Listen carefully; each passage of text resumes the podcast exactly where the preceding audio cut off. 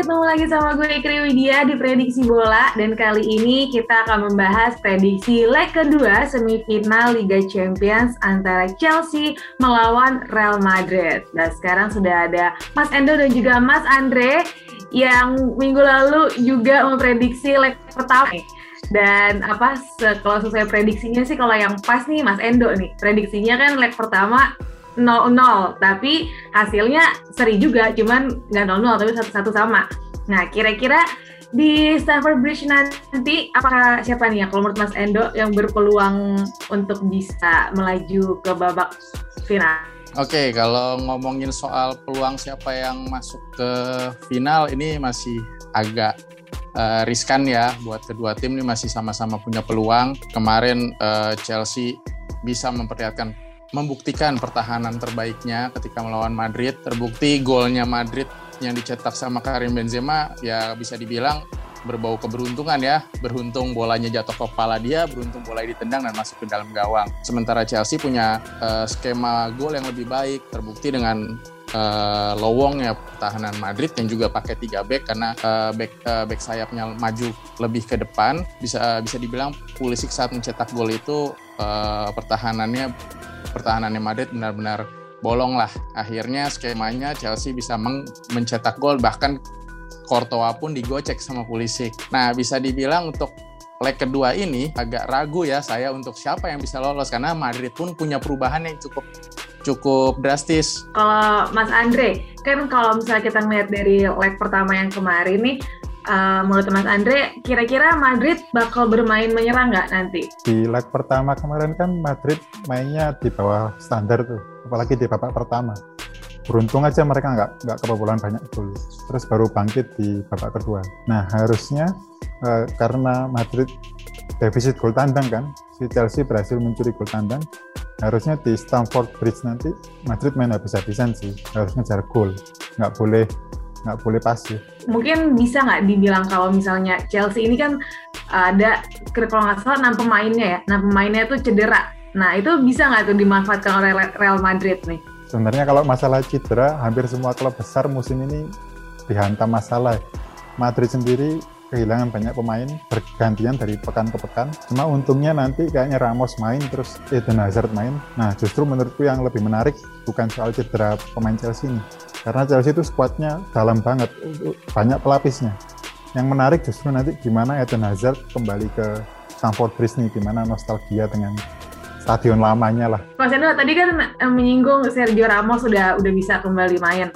Kira-kira ada nggak uh, yang yang dipersiapkan Tuchel nih untuk untuk bisa apa namanya membendung Sergio Ramos? Ya, Thomas Tuchel sih bilang uh, dia lagi menyiapkan skema buat uh, bagaimana mengantisipasi kehadiran Sergio Ramos.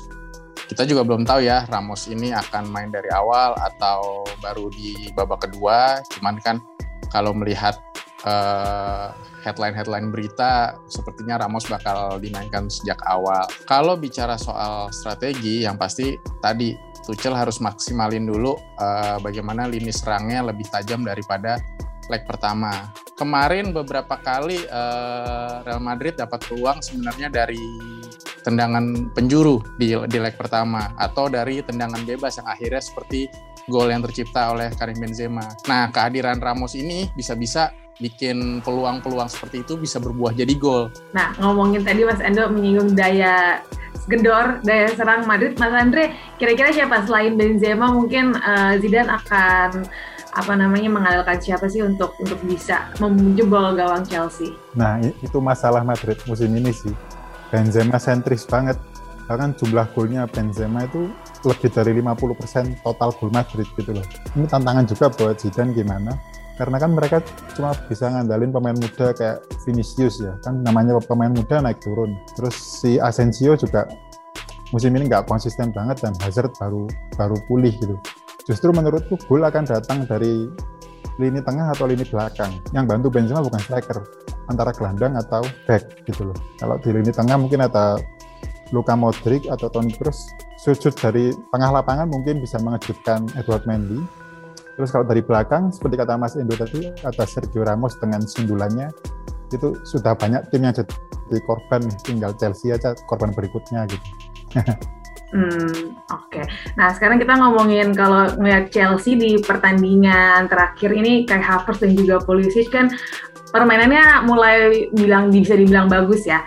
Nah, untuk pertandingan melawan Real Madrid nanti, apakah mereka berdua nih pemain kuncinya Chelsea atau kira-kira ada lagi, Mas Andre? Uh, seperti yang aku bilang minggu lalu kan, kayak Havertz bakal jadi pemain kunci nih. Cuma kemarin agak meleset tuh, Pulisic yang main bagus. Nah, kayaknya sih kayak Havertz bakal main lagi.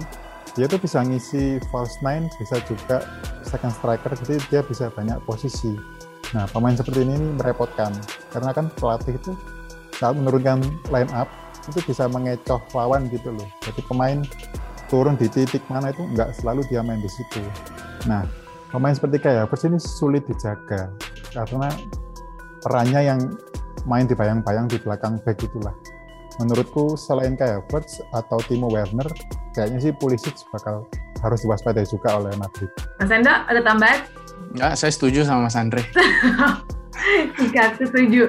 Tapi setuju nggak kalau misalnya mungkin pertandingan nanti itu bakal berpotensi berakhir dengan adu penalti? Setuju sih saya. Kemungkinan satu-satu lagi itu kemungkinan besar bisa terjadi dan lanjut ke extra time adu penalti. Cuma tergantung mental sih. Kalau bicara mental kan kita tahu Madrid rajanya Liga Champions lah. Berapa tahun terakhir mereka pernah juara tiga tahun beruntun Nah ini ini tantangan untuk Chelsea nih. Mereka bisa nggak yakin untuk menang gitu. Karena tantangannya di UCL sih lebih ke mental para pemain aja. Prediksi saya Real Madrid akan berusaha mati-matian buat ngegedor lini pertahanan Chelsea. Kalau mereka bisa mencetak gol, ya rasanya sih nggak sampailah ke apa ke adu penalti. Hmm, oke. Okay. Kalau gitu terakhir seperti biasa prediksi skor, skornya berapa dan kalau misalnya memang adu penalti siapa yang lolos?